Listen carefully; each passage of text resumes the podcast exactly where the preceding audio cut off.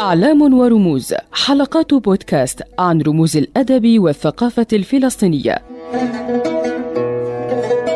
شخصيات صنعت تاريخا وحضارة من الشعراء والأدباء وحماة التراث.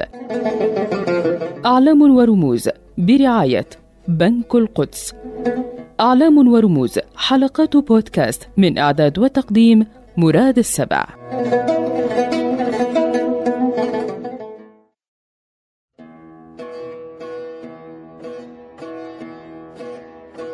ولدت الكاتبة فاطمة دياب في مدينة طمرة في الجليل في الداخل الفلسطيني عام 51 وهي روائية تتميز بالشجاعة والجرأة الكتابية وقامة إبداعية تحتل موقعا ومكانة متقدمان على خريطة الأدب الروائي والقصصي في الداخل الفلسطيني. فاطمة دياب علامة أدبية ومبدعة فلسطينية عرفت منذ السبعينيات في ساحات الأدب لها حضورها الساطع الواضح والصالح في المشهد الثقافي في الداخل الفلسطيني وأكثر القضايا التي تؤرقها وتقلقها دائما هي قضية المرأة وموقعها في المجتمع.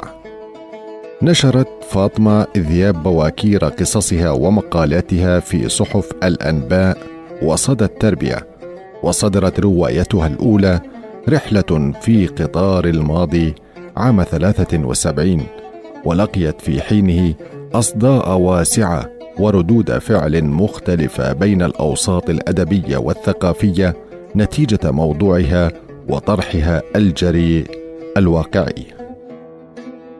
وقد تناولتها آنذاك الأقلام المحلية فكتب الأديب والشاعر المرحوم ميشيل حداد فاطمة دياب تقدم كتابها الجريء وكتب الراحل محمود كنعني فاطمة دياب وقطار الماضي.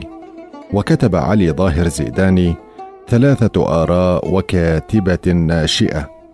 كما كتب عنها المرحوم مرشد خلايلي تحياتي من عكا.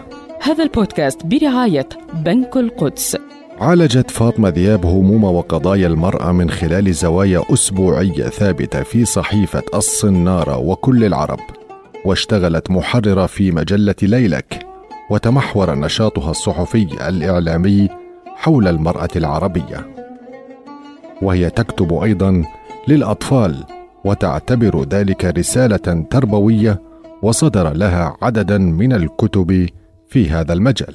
صدرت للكاتبة فاطمة دياب مجموعة من القصص والروايات والخواطر منها خواطر تحت عنوان جرح في القلب والمجموعة القصصية الخيال المجنون ومسرحيتان هما سرك في بير وممنوع التجوال وروايات حول القضايا النسائية ومدينة الريح وكتابات أخرى. ما يميز فاطمة ذياب واقعيتها وخوضها في الممنوعات والخطوط الحمراء والدوائر المغلقة وطرحها لموضوعات بكل جرأة وشجاعة وشفافية وموضوعية. فاطمة ذياب إنسانة شفافة بكل معنى الكلمة.